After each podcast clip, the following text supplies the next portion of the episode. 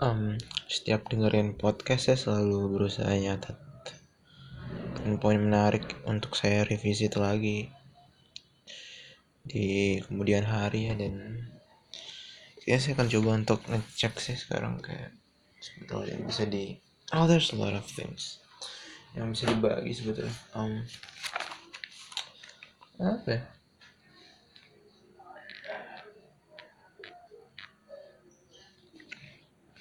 mana yang menarik. Well ini ada wah. Ada Lex Friedman dan Wolfram Wolfram. Stephen Wolfram itu adalah physicist yang dia nulis buku kayak kalau nggak salah judulnya New Kind of Science actually ketika saya nonton podcastnya saya kayak anjir nih ngomongin apa ya? Karena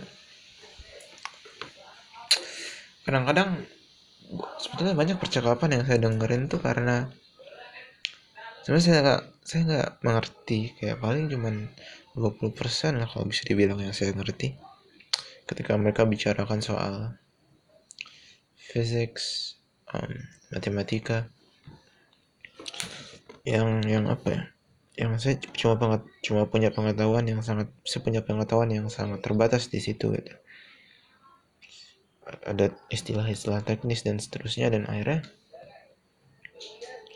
tetap tetap jadi percakapan yang menarik karena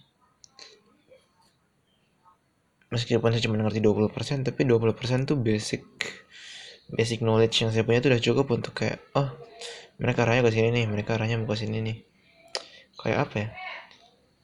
Um, saya nggak ngerti istilah-istilah teknis yang mereka bicarakan tapi saya mengerti kayak pada dasarnya yang mereka omongin apa sih gitu. Dan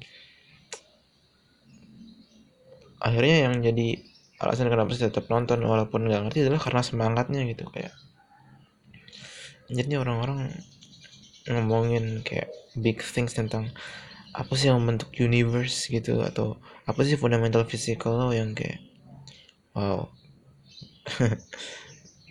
Menarik gitu dan ini salah satu percakapan yang yang saya nggak ngerti banyak sebetulnya kayak.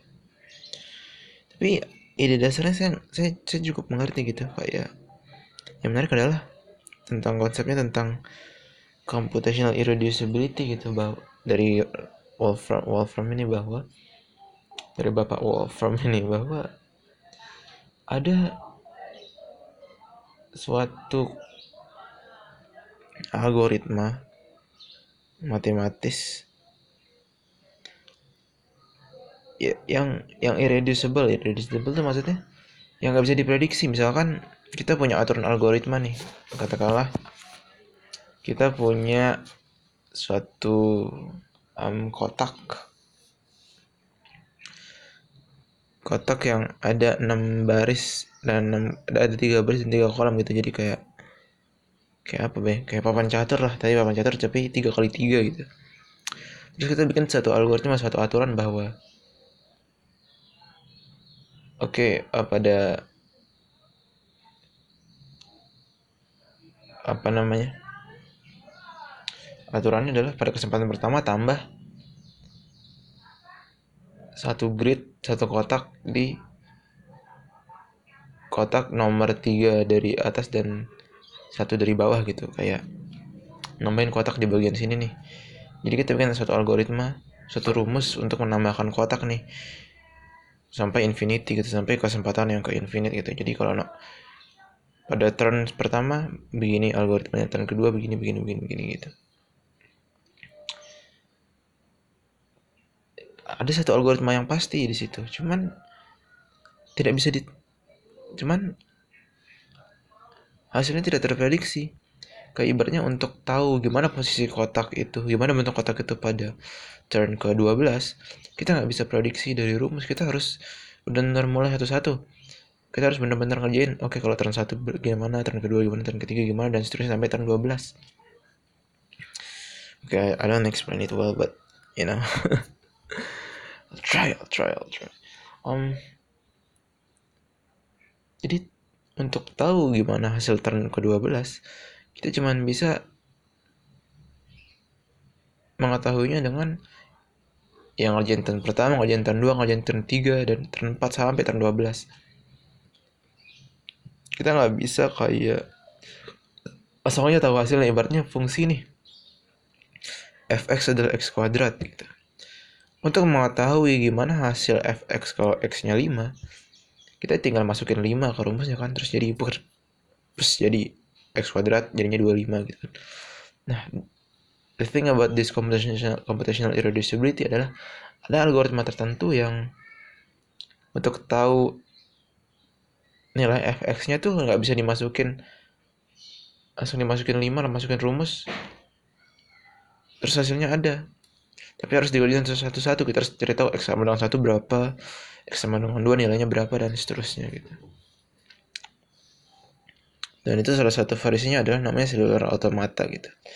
Nah cuman the leap leap, leap of leap of understanding yang saya nggak ngerti adalah gimana konsep ini kemudian digunakan untuk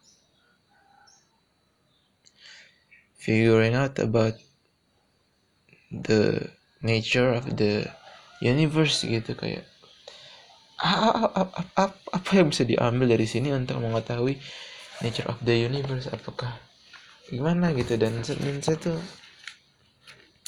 tidak tahu ya jawabannya. Kayaknya harus nonton lagi tuh baca bukunya gitu. Cuman itu sih tadi menunjukkan bahwa saya emang nggak nggak ngerti. Cuman tadi that interesting adalah itu jadi kayak memacu saya untuk eh ada ada satu area nih ternyata yang yang menarik untuk dikulik nih. Itu men-trigger saya nonton podcast ini untuk kayak oh ada area-area nih yang bisa di yang bisa di apa namanya yang bisa di dieksplor nih yang yang yang membuka kemungkinan baru lah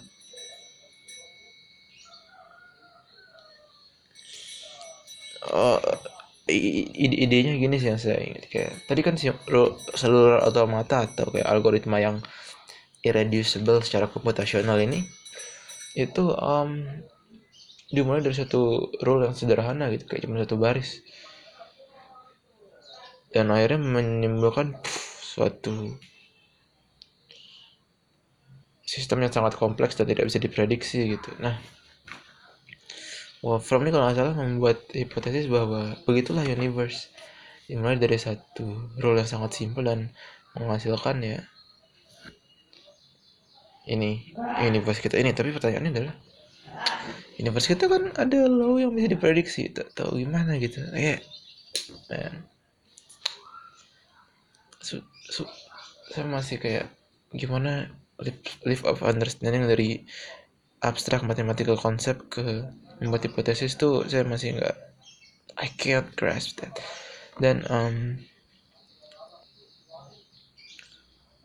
kayak saya merasa harus belajar gitu. Ah saya bisa ngikutin conversationnya cuman saya bisa apresiasi cuman kayak I want more. Kayak I, I, I, I really want more.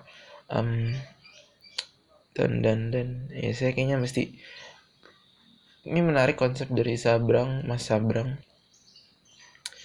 Dia bilang Sabrang MDP dia bilang kayak untuk mengerti suatu kompleksitas. Ini suatu yang kompleks kan. Kayak teori teori teori terbentuknya universe. Untuk untuk bisa memahami yang kompleks ya pahami dulu simpleks simpleksnya pahami dulu komponen-komponennya dipreteli dulu nih. Kalau di sini kan Lex and Wolfram ini saya mesti preteli dulu nih computational irreducibility. Pertama saya mesti tahu algoritma itu artinya apa sih? Dan kemudian seluruh algoritma apa sih yang ada di seluruh otomata gitu dan kemudian di leap of understandingnya gimana cara dia bisa dijadikan teori saya mesti belajar mungkin soal prinsip-prinsip algoritma kemudian saya mesti belajar kayak no kaitan antara matematika dan observation observation di dunia, di dunia nyata hal, hal yang simple. Itu saya harus mengerti pengertiannya dulu konsepnya.